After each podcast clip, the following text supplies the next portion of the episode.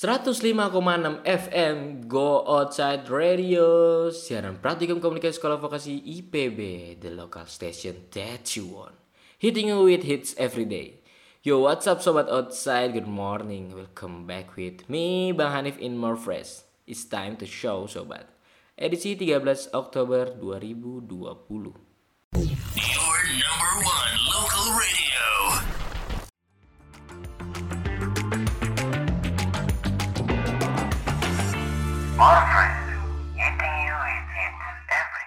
As usual, selama 45 menit ke depan Bang Hanif bakal nemenin kalian di pagi hari yang cerah dan segar ini. Tentunya di program yang paling ditunggu-tunggu, yang paling informatif dan yang paling menginspirasi. Ya apalagi kalau bukan di More Fresh dengan suguhan informasi terkini, tips-tips yang gak bakal bikin kalian ketinggalan zaman dan juga lagu yang up to date buat kalian dengerin di Go Outside Radio. Nah, yang masih rebahan atau masih males-malesan buat gerak, come on, prepare yourself and chill on your sofa when hearing I'm talking in more fresh. Wah, pagi ini sepertinya bakal hujan ya sobat. Memasuki musim penghujan seperti ini, kalian harus selalu siap sedia payung dan juga jas hujan agar tidak kehujanan. Ya masa sih kepanasan Bang Hanif? Dari subuh tadi udah mendung sih, tapi dengan adanya hujan in this morning, semoga menjadi berkah dalam aktivitas kita dari pagi hingga sore nanti. Selamat pagi buat kalian yang lagi kerja, udah pada sarapan belum nih? Yang lagi bareng temen selalu jaga jarak ya.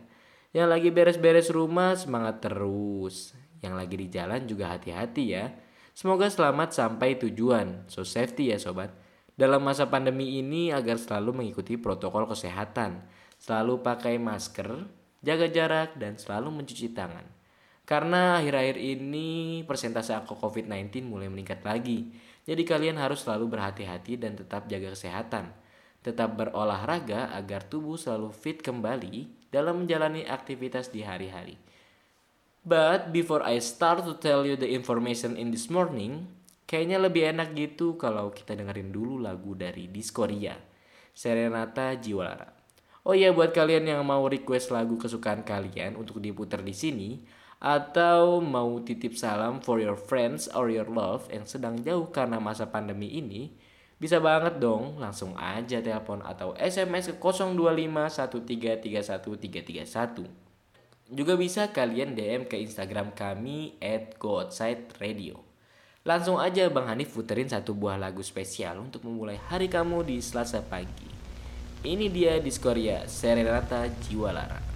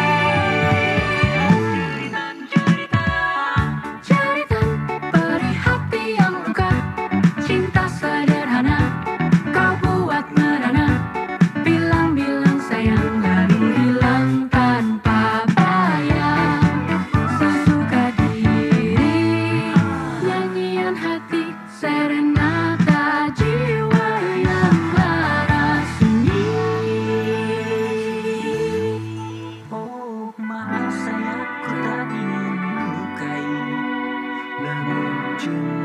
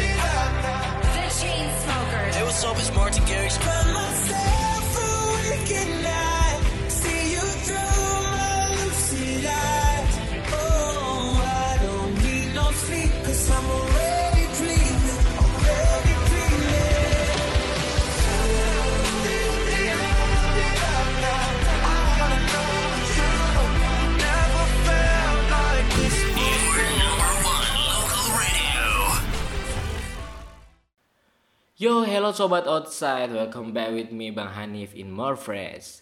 Hanya di Go Outside Radio, the local station that you want. 105,6 FM, siaran praktikum komunikasi sekolah vokasi IPB. Nah, gimana nih abis dengerin lagunya Diskoria? Udah semangat belum? Harusnya sih bikin semangat ya. Secara gitu, Diskoria membawakan genre disco dan city pop. Wow. Jika dilihat kepopuleran musik dekade per dekade, lagu bergenre city pop ini identik sebagai warisan era tahun 80-an loh sobat. Walaupun identik dengan tahun 80-an, genre musik ini mulai perlahan bangkit kembali. Genre musik ini telah lama mati dan kemudian bangkit kembali bagaikan Lazarus.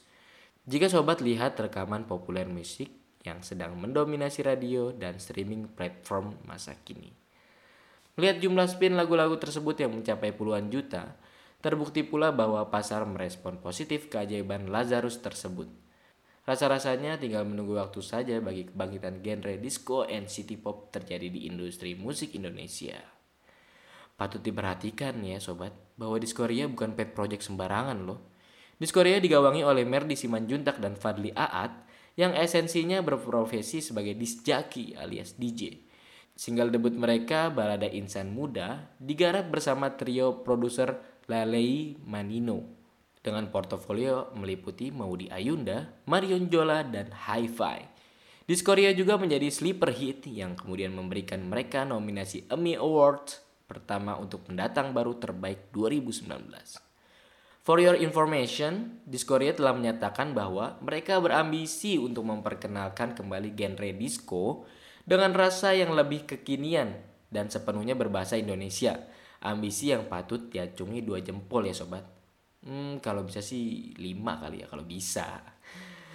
Sobat musik, sobat. Kemarin Bang Hanif sempat kesusahan buat dengerin lagu offline di perjalanan loh.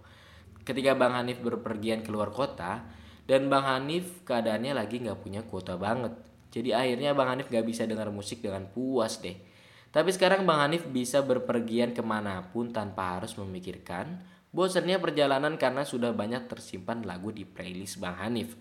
Bang Hanif punya referensi nih sobat-sobat buat kalian yang music lover atau pengabdi musik. Tapi kalian tidak punya kuota, langsung aja download aplikasi Miss Music. Nah, kalau sobat-sobat download aplikasi Miss Music dan buat akunnya, kalian langsung punya semua album penyanyi asli yang kalian inginkan secara offline. Hanya dengan membayar 100 ribu rupiah, kalian bisa dengar musik sepuasnya. Nah langsung aja sobat di download aplikasinya karena promo hanya bisa didapatkan pada hari ini dari jam 4 sore sampai jam 6 sore. Buruan jangan sampai ketinggalan ya sobat. Enjoy your every minute with Miss Music. Nah gimana nih sobat outside semua? Udah siapin telepon belum? Come on sobat, Bang Ani masih setia nih menunggu telepon dari sobat outside semua. Eits, tapi tahan dulu. Sebelum kita chit chat, Bang Hanif mau bacain 10 tangga lagu pop hits dunia hari ini. Penasaran siapa aja sih yang berada di posisi tersebut? Oke, gak usah Say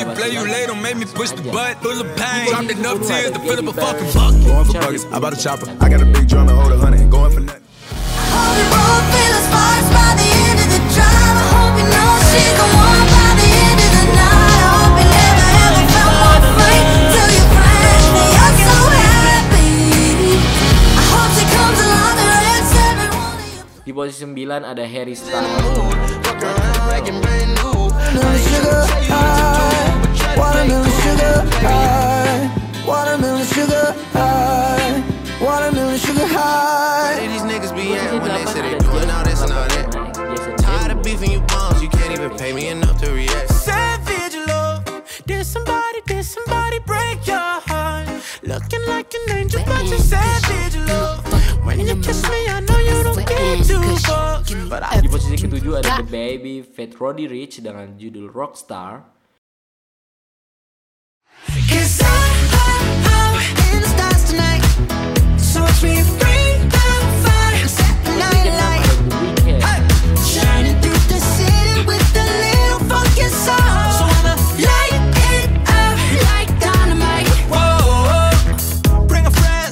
Di posisi kelima ada Mood dari 24K Golden Fat Iron Dyer.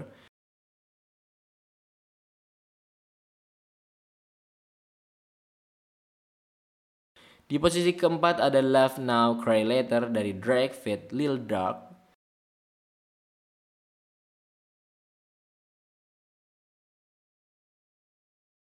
Di posisi ketiga ada WAP dari Cardi B feat Megan Thee Stallion.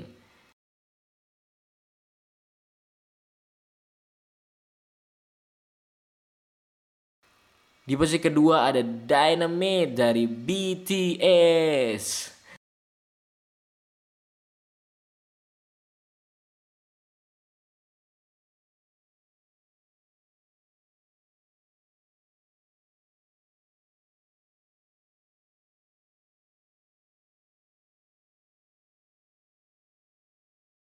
Nah itu tadi 9 tanggal lagu pop hits dunia saat ini. Penasaran gak sih siapa yang menduduki posisi pertama saat ini?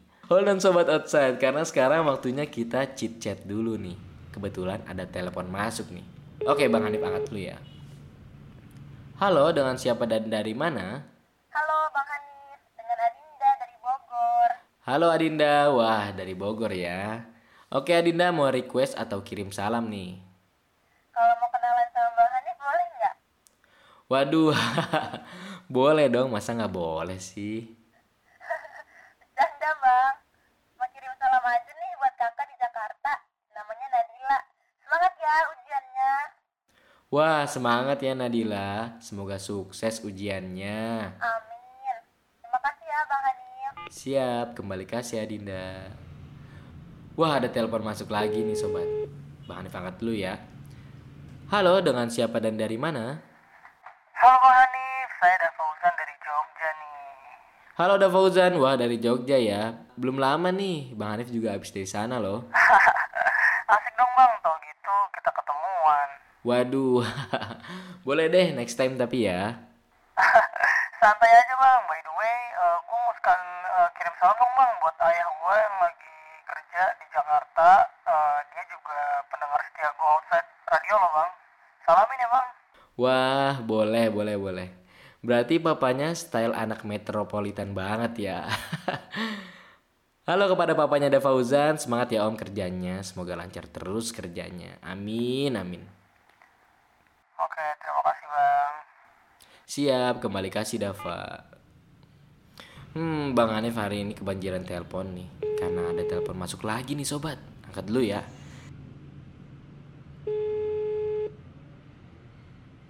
Halo Bang Hanif di sini dengan siapa dan dari mana? Eh, halo Bang, Eh, saya Nazmi dari Sukabumi. Halo Nasmi, hmm dari Sukabumi ya. Pasti dingin tuh udaranya. Gimana kabarnya Sukabumi hari ini? Ya masih sama aja Bang, makin dingin. Apalagi ditambah demo, makin dingin aja Sukabumi. Waduh, waduh, waduh, waduh. Oke deh Nasmi, mau request atau kirim salam nih? hmm, saya mau request lagu, boleh nggak Bang? Ya boleh dong, masa mau saya larang? ya kan kali aja Bang, nggak boleh. Eh, saya mau request lagunya Kodaline yang Wherever You Are. Kayaknya asik sih Bang. Wah siap siap siap, on the way ya lagunya. Thank you ya Nasmi. Oke deh sobat outside biar kalian semua bahagia Let's hear Wherever You Are from Codeline Sesuai dengan request dari Nasmi and Chill Out You say you love me. You say you care. And when you're with me, my future's there. We get carried away in emotion. Get lost in each other's eyes. And we forget what we regret as we cast our fears aside.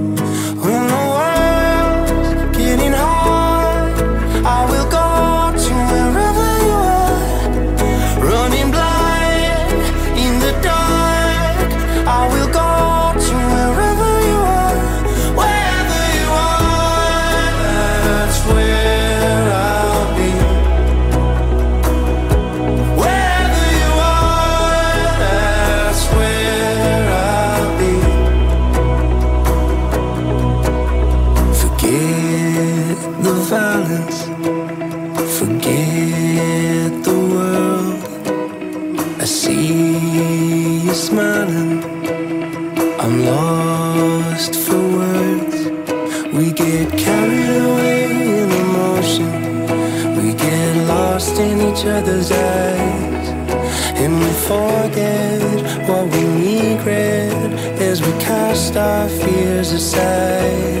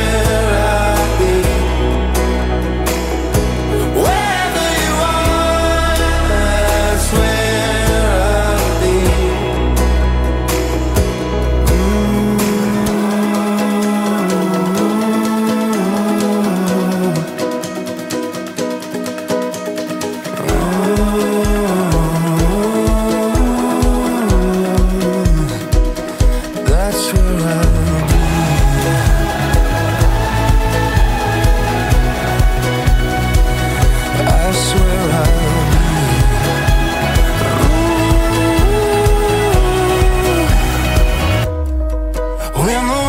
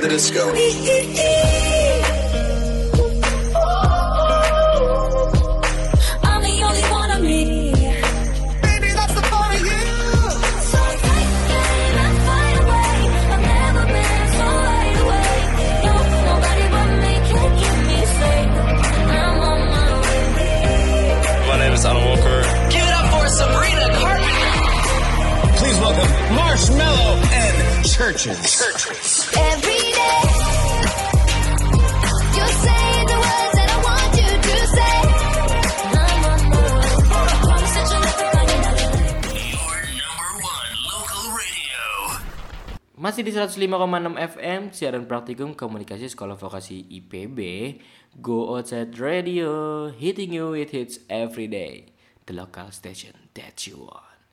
Nah, sekarang kita masuk ke segmen berita yang sedang hits. Ada apa sih selama seminggu kemarin? Let's check this out. Berita pertama datang dari Jakarta. Badan Meteorologi, Klimatologi, dan Geofisika memprediksi DKI Jakarta siang ini, Selasa 13 Oktober 2020 akan bercuaca cerah. Hanya daerah Jakarta Selatan dan Jakarta Timur yang diperkirakan diterpa hujan ringan. Pada malam hari, cuaca seluruh wilayah di Jakarta diperkirakan berawan. Suhu udara DKI berkisar 24 sampai 33 derajat Celcius. Cuaca cerah diprediksi akan bertahan hingga dini hari nanti. Bekasi akan diterpa hujan ringan pada siang hari, ketika malam hingga dini hari cuaca akan cerah berawan. Suhu udaranya sekitar 22 sampai 33 derajat Celcius dengan kelembaban 55 sampai 95 persen. Kota Bogor diprediksi akan hujan ringan mulai siang hingga malam. Hujan diprediksi akan reda dan mengubah cuaca di Kota Bogor menjadi cerah berawan pada dini hari. Suhu diprediksi akan berada di kisaran 22 sampai 33 derajat Celcius dan kelembaban udara berada di kisaran 55 sampai 95 persen. Sama seperti Bogor, Depok diperkirakan hujan mulai siang hingga malam dengan intensitas ringan. Saat dini hari cuaca akan mulai berawan, suhu diprediksi 22 sampai 33 derajat Celcius dan kelembaban berada di kisaran 55 sampai 95 persen. Tangerang diprediksi berawan mulai pagi hingga sore, namun hujan akan mulai turun pada pukul 7 malam dan baru akan kembali berawan pada pukul 10 malam. Suhu diprediksi sekitar 25 sampai 32 derajat Celcius dengan kelembaban udara berada di sekitar 55 sampai 95 persen. Selanjutnya berita datang dari Jakarta. Polda Metro Jaya tengah menyiapkan sejumlah langkah antisipatif guna menjaga kelancaran lalu lintas di wilayah gedung DPR MPR RI atas demonstrasi buruh hingga dua hari ke depan. Direktur Lalu Lintas Polda Metro Jaya Kombes Pol Sambodo Purnomo Yogo mengatakan langkah tersebut berupa penutupan ruas jalan yang bersifat situasional tergantung kondisi di lapangan. Adapun titik rekayasa yang disiapkan terbagi empat wilayah, dari Jalan Gerbang Pemuda, Jalan Gatot Subroto, Jalan Palmerah Timur, sampai tol dalam kota. Samwodo kemudian mengimbau agar masyarakat menghindari jalur sekitar gedung DPR MPR RI. Agar perjalanan tidak terkendala, demonstrasi ini rencananya dilakukan selama tiga hari berturut-turut mulai 4 sampai 8 Oktober 2020 saat sidang paripurna. Berita selanjutnya datang dari kompas.com. Langkah senyap DPR dan pemerintah dalam memuluskan Omnibus Law. Rancangan Undang-Undang Cipta Kerja menjadi UU akhirnya terwujud. DPR mengesahkan RUU Cipta Kerja menjadi UU pada rapat paripurna yang digelar pada Senin 5 Oktober 2020. Balik bersama pemerintah dan DPD telah melaksanakan rapat sebanyak 64 kali, dua kali rapat kerja, 56 kali rapat panja, dan 6 kali rapat timus. Tim sin yang dilakukan mulai Senin sampai Minggu. Dimulai pagi hingga malam dini hari. Ujar Ketua Badan Legislasi Supratman Andi Agus. Bahkan masa reses tetap melakukan rapat baik di dalam maupun di luar gedung atas persetujuan pimpinan DPR. Tercatat hanya fraksi PKS dan Partai Demokrat yang menolak disahkannya UU Cipta Kerja. Sebelumnya saat RUU Cipta Kerja menuai banyak sorotan dari publik, regulasi tersebut dinilai merugikan pekerja. Berikut sejumlah sorotan terkait Omnibus Law Cipta Kerja. Yaitu yang pertama penghapusan upah minimum. Yang kedua jam lembur lebih lama. Yang ketiga kontrak seumur hidup dan rentan PHK. Yang keempat pemotongan waktu istirahat. Yang kelima mempermudah perekrutan tenaga kerja asing. Berita selanjutnya datang dari Jakarta. Aksi balap lari liar kini tengah menjadi tren. Para peserta yang terdiri atas 2 hingga 4 orang beradu cepat di jalan-jalan umum. Ternyata para peserta tersebut menggunakan media sosial untuk mencari lawan di Instagram dan Twitter. Banyak anak muda memajang foto diri dan menyertakan spek badan. Kadang-kadang bahasa mereka lucu. Misalnya tinggi 171 cm, paru-paru rokok filter, dengkul kopong, dan kaki bore up. Salah satu pemilik akun Instagram @gosip_balap_lari_liar bernama Akbar menyebutkan akun yang baru dibuatnya sejak satu pekan terakhir sering dimention para peserta balap lari liar untuk bisa dicarikan lawan balap lari yang ideal. Ia jadi banyak yang ngetek kita buat di repost supaya ketemu lawannya kata Akbar ketika dihubungi detik.com Sabtu 12 September 2020. Saya berikan seperangkat alat WiFi access point switch router repeater antena box access point kabel jumper POE kabel UTP STB penangkal petir dan juga promo yang murah meriah dengan paketan 25 Mbps 150 channel global dan lokal dan juga gratis telepon di semua provider dibayar tunai. Saya terima seperangkat alat WiFi-nya dengan rincian access point, switch router, repeater, antena, box access point, kabel jumper, POE, kabel UTP, STB, penangkal petir, dan juga promo yang murah meriah dengan paketan 25 Mbps, 150 channel global dan lokal, dan juga gratis telepon di semua provider dibayar tunai. Sah? Sah. Di masa pandemi seperti sekarang ini, tidak usah repot-repot mencari provider WiFi karena IndiHoid telah menyediakan paket murah meriah. Dengan harga Rp100.000, kalian bisa mendapatkan paket WiFi dengan kecepatan 25 Mbps, 150 channel TV global dan lokal, dan juga gratis telepon ke semua provider. Ya semuanya, bapak, ibu, kakek, nenek, paman, tante, kakak, adik, uyut, buyut, udah, ate, teh, mas, cece, akang, langsung ambil paketannya. Karena paket promo hanya bisa didapatkan sampai akhir bulan Oktober 2020. Travel around the world with internet. Halo Sobat Outside, welcome back with me Bang Hanif in More Fresh Hanya di Go Outside Radio, the local radio that you want 105,6 FM, siaran praktikum komunikasi sekolah vokasi IPB Nah, kalian tahu nggak sih Sobat Outside isu yang sedang hangat pada kali ini? Masa nggak tahu sih? Yaudah deh, Bang Hanif kasih tahu ya jadi Indonesia sekarang sedang diambang kericuhan dengan adanya RUU Cipta Kerja yang disahkan beberapa hari yang lalu oleh Dewan Perwakilan Rakyat. Banyak dari para buruh dan mahasiswa yang mulai mendemonstrasikan aspirasi mereka padahal di saat virus COVID-19 belum terselesaikan. Indonesia telah mencatat permasalahan baru lagi. Sebenarnya Bang Hanif nggak mau menceritakan tentang lebih jauh sih tentang permasalahan tersebut. But I think kejadian seperti ini merefleksikan dari pembuatan film Joker. Buat kalian para sobat outside yang suka dengan film, impossible jika kalian tidak mengetahui film Joker. Karena menurut Bang Hanif, kerusuhan yang terjadi di Gotham City penyebabnya sama seperti apa yang dirasakan oleh bangsa Indonesia. Film Joker merupakan tontonan bergenre psikologi, karya sutradara Todd Phillips yang ia tulis bersama Scott Silver berdasarkan karakter salah satu musuh epos superhero Batman. Sejak tayang perdana di Indonesia pada 2 Oktober 2019 lalu, film ini masih menjadi topik pembicaraan panas lantaran disebut-sebut memiliki dampak cukup besar bagi psikologis penontonnya. Film berkisah tentang sosok Arthur Fleck alias Joker, seorang badut pembawa papan iklan berusia 40 tahun yang diperankan begitu baik oleh aktor berkebangsaan Amerika Serikat, Joaquin Phoenix. Hidup Arthur kacau balau. Ia dikisahkan menderita kelainan otak yang menyebabkan dia tertawa pada waktu yang tidak tepat. Sosoknya yang tinggal bersama ibundanya itu diceritakan kerap mengunjungi pekerja layanan sosial untuk mendapatkan obat dan melakukan konsultasi kejiwaan kepada seorang tenaga psikiater. Sosoknya yang tinggal bersama ibundanya itu diceritakan kerap mengunjungi pekerja layanan sosial untuk mendapatkan obat dan melakukan konsultasi kejiwaan kepada seorang tenaga psikiater. Suatu hari papan iklan Arthur dicuri paksa oleh segerombolan anak jalanan yang kemudian mengeroyoknya di sebuah lorong. Usai kejadian itu, seorang rekan kerjanya meminjamkan senjata tajam pistol sebagai alat perlindungan diri.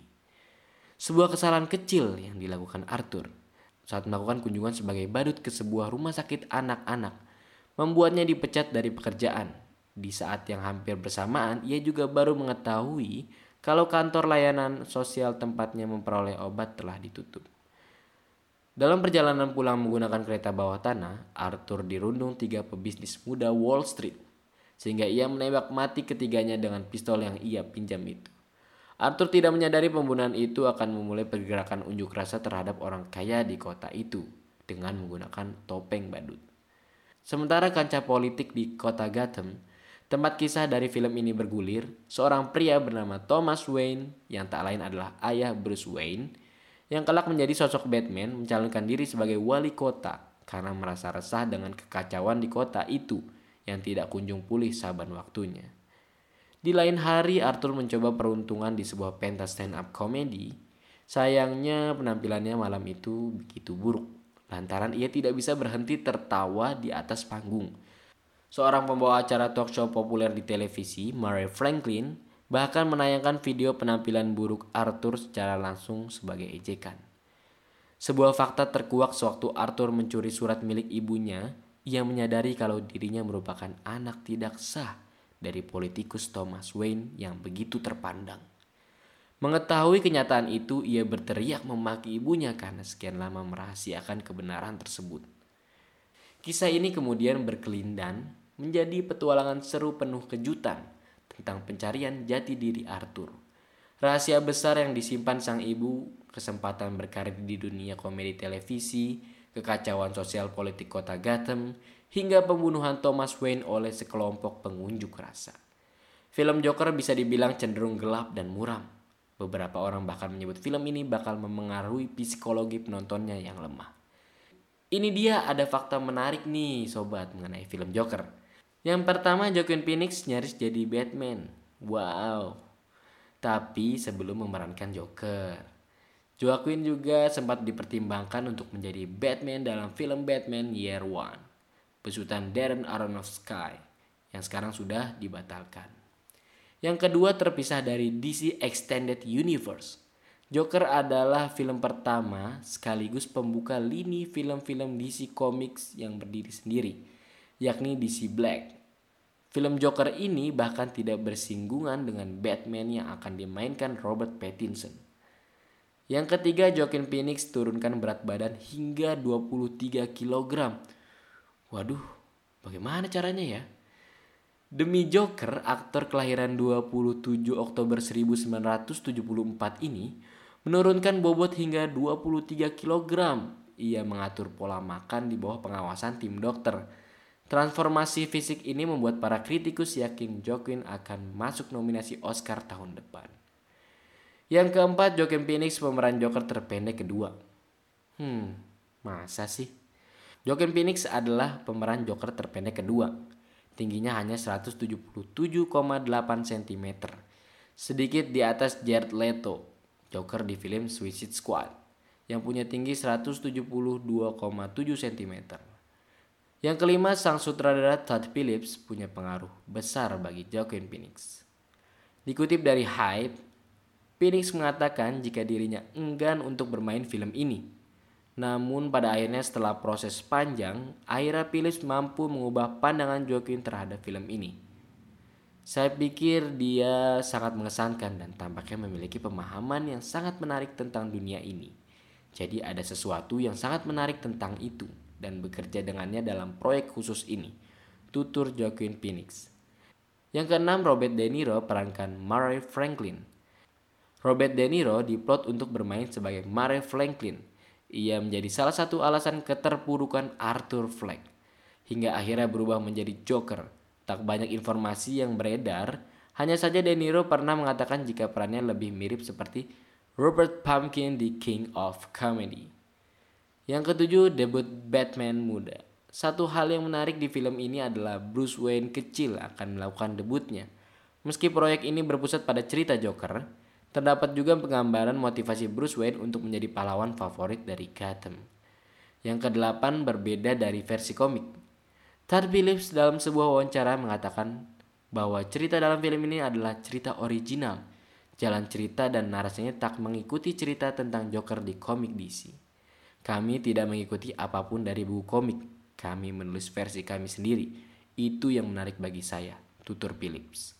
Kesembilan, dapatkan penghargaan standing ovation selama 8 menit. Sebelum tayang secara luas, film Joker telah terlebih dahulu rilis di acara Venice Film Festival. Menunjukkannya, ia mendapatkan respon baik dari para penonton dengan standing ovation selama 8 menit. Tak hanya itu, ia juga berhasil membawa pulang penghargaan tertinggi di festival The Golden Lion Award dalam kategori film terbaik. Nah, itu dia 9 fakta menarik yang ada di film Joker. Dilansir dari CNN merupakan review dari film Joker. Pilu, tragis, kegilaan yang mendalam, tiga hal tersebut ada di hampir seluruh bagian dari film Joker 2019 untuk sebuah film yang mengangkat karakter dari komik cerita film yang dibintangi Joaquin Phoenix ini amatlah gelap. Joker mengisahkan beragam kekerasan baik fisik maupun mental yang terpaksa diterima dan dilalui oleh Arthur Fleck, seorang komedian gagal. Ia hidup di era ketika Gotham dalam titik kronis, penuh ketimpangan, kejahatan, dan kemarahan pada 1980-an. Inilah fondasi pengembangan karakter bernama Joker yang dikenal sebagai pangeran kriminal dan disebut super violent. Butuh kesiapan mental untuk bisa menerima dan memahami segala hal yang dilalui oleh Fleck. Dalam konteks ini, sutradara Todd Phillips sungguh tak membuat Joker sebagai hiburan yang mudah ditelan begitu saja. Konflik-konflik sosial seperti masalah kesehatan, benturan antar kelas, hingga politik manipulatif ditampilkan secara nyata dan gamblang termasuk perjalanan kejiwaan Fleck dari semula seorang yang tertindas menjadi penjahat berdarah dingin yang tidak merasakan apa-apa ketika mengambil nyawa seseorang. Kali ini penonton benar-benar diharapkan mematuhi aturan terkait klasifikasi usia dari lembaga sensor. Joker sungguh dibuat untuk penonton usia 17 tahun ke atas. Peringatan ini bukan hanya terkait aksi kekerasan fisik di dalam film, tapi juga kedewasaan dalam menerima pesan di dalam film. Selain itu, penonton yang memiliki masalah kesehatan mental atau depresi akan jauh lebih bijak menghindari film ini. Atau mintalah pendamping dari orang terdekat bila kukuh ingin menyaksikannya. Peringatan ini bukan sekedar menakut-nakuti ataupun berlebihan. Netizen pun mengeluhkan hal serupa. Todd Phillips bukan hanya menggambarkan segala kepiluan Fleck, namun membawa penonton ikut merasakannya. Secara ajaib Todd Phillips yang merangkap sebagai produser dan ikut membantu menulis naskah bersama Scott Silver mampu membawa penonton ikut merasakan bagaimana menjadi orang yang dirundung, dimarginalkan, mendapat kasih sayang yang palsu dan tak diinginkan secara bertubi-tubi. Bukan hanya itu, beragam kekerasan juga ditampilkan secara gamblang atau setidaknya mampu membuat penonton terdiam seribu bahasa. Di sisi lain, Joker juga menggambarkan betapa buruk dampak yang muncul terhadap seorang yang merasakan kekurangan cinta, apresiasi, penerimaan, dan kasih sayang dari sekelilingnya. Ditambah lagi kegagalan pemerintah dalam membantu mereka, yang termasuk dalam kaum marginal, termasuk juga di dalamnya orang-orang yang membutuhkan bantuan psikolog profesional. Masalah yang sebenarnya bisa terjadi dengan siapa pun di dunia ini, bukan hanya Joker. Naasnya segala kondisi malang dan mengenaskan itu dialami oleh Fleck, yang sebenarnya juga tumbuh dengan trauma dari masa kecil mengakar dalam kejiwaannya. Narasi yang begitu gelap dari Todd Phillips ini juga sekaligus menjadi tamparan bagi siapa pun untuk berlaku baik kepada siapa pun. Karena tak ada yang tahu ada apa di balik senyuman atau tawa seseorang. Atas narasi dan pesan di balik cerita gelap ini, Phillips memang patut mendapatkan apresiasi luar biasa. Ia mampu menyuguhkan sebuah paket lengkap dari karya sinematik namun patut diingat. Film ini sendiri menjadi bahan perdebatan terutama karena membuat penonton berempati dengan sosok penjahat berdarah dingin. Lepas dari segala perdebatan dan pesan di dalamnya, Joker bukan hanya memiliki cerita yang kuat dan mampu membuat penonton berdecak kagum juga tercengang tapi sinematografinya yang memukau dengan iringan musik yang membius. Sedangkan untuk Joaquin Phoenix sebuah piala Oscar amatlah layak untuk dirinya. Ia pun selama ini hanya pernah menerima nominasi sebanyak tiga kali. Sekali untuk Best Supporting Actor dan dua kali sebagai Best Actor. Meskipun begitu, dengan penampilan Phoenix sebagai Joker, ia sejatinya telah memenangkan hati para penonton. Sorot mata, raut wajah, gerak tubuh, Bahkan tawanya mampu menyampaikan kesakitan yang dialami serta tragis hidup seorang Arthur. Bila membandingkan Phoenix dengan Heath Ledger sebagai salah satu aktor terbaik yang memerankan Joker, keduanya merupakan versi berbeda dan sulit untuk dibandingkan. Joaquin Phoenix hebat memainkan Arthur Fleck sebelum menjadi Joker, sedangkan Heath Ledger adalah versi terbaik setelah menjadi Joker. Go outside. Yo, this is Khalid. Can we just talk?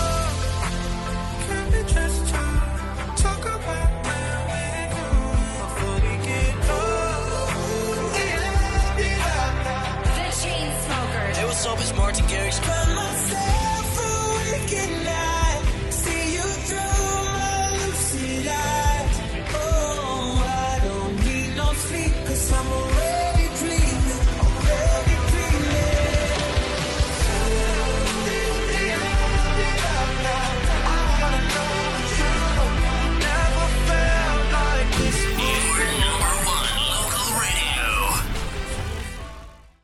Wah sobat outside tidak terasa ya sudah 45 menit Bang Hanif nemenin sobat outside semua nih. It's time to say goodbye guys. Nah sebelum Bang Hanif menutup acara ini ada pesan masuk dari Regia. Bang Hanif bacain dulu ya pesannya nih. Dari Regia katanya titip salam buat teman-teman yang lagi pada di Manokwari. Jangan lupa makan ya teman-teman. Semangat ngerjain tugas kuliahnya. Aduh baiknya. Dan dia juga request lagu dari No Stress yang judulnya ini judulnya belakangan. Oke kita bakal puterin lagu No Stress ini judulnya belakangan. Tapi karena udah 45 menit Bang Hanif nemenin kalian semua ya sayang sekali sepertinya aku harus pamit. Dan maaf kalau ada request yang belum sempat Bang Hanif bacain dan putar hari ini. Maybe next time. Terima kasih kepada sobat outside semua yang telah setia dengerin Bang Hanif ngoceh sampai kuping kalian sakit. Maaf juga kalau ada salah-salah kata ya. Jangan ke mana-mana dari Go Outside Radio, karena setelah program ini masih banyak program lainnya yang bakal nemenin kalian hingga tengah malam. Saatnya Bang Hanif pamit undur diri, pantengin terus 105,0 FM Go Outside Radio, karena besok aku bakal balik lagi untuk nemenin hari kalian sobat-sobat semua. See you on next day, peace and chill out.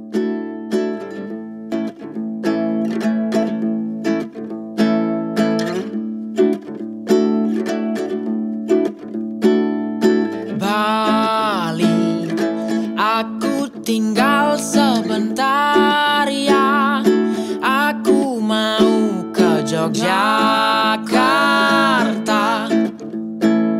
Aku mau nyanyi seperti biasanya. Bali Aku pergi sebentar ya. Pergi dari jalanmu yang mulai macet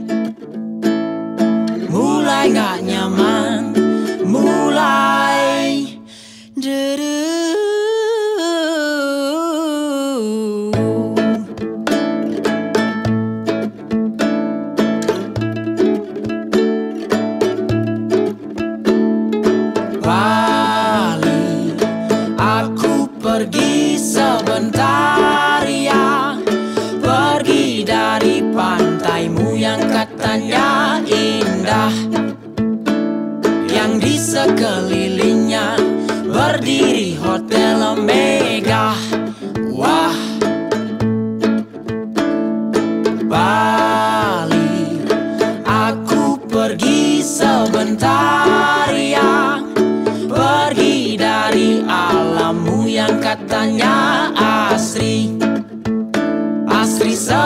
sebelah sana.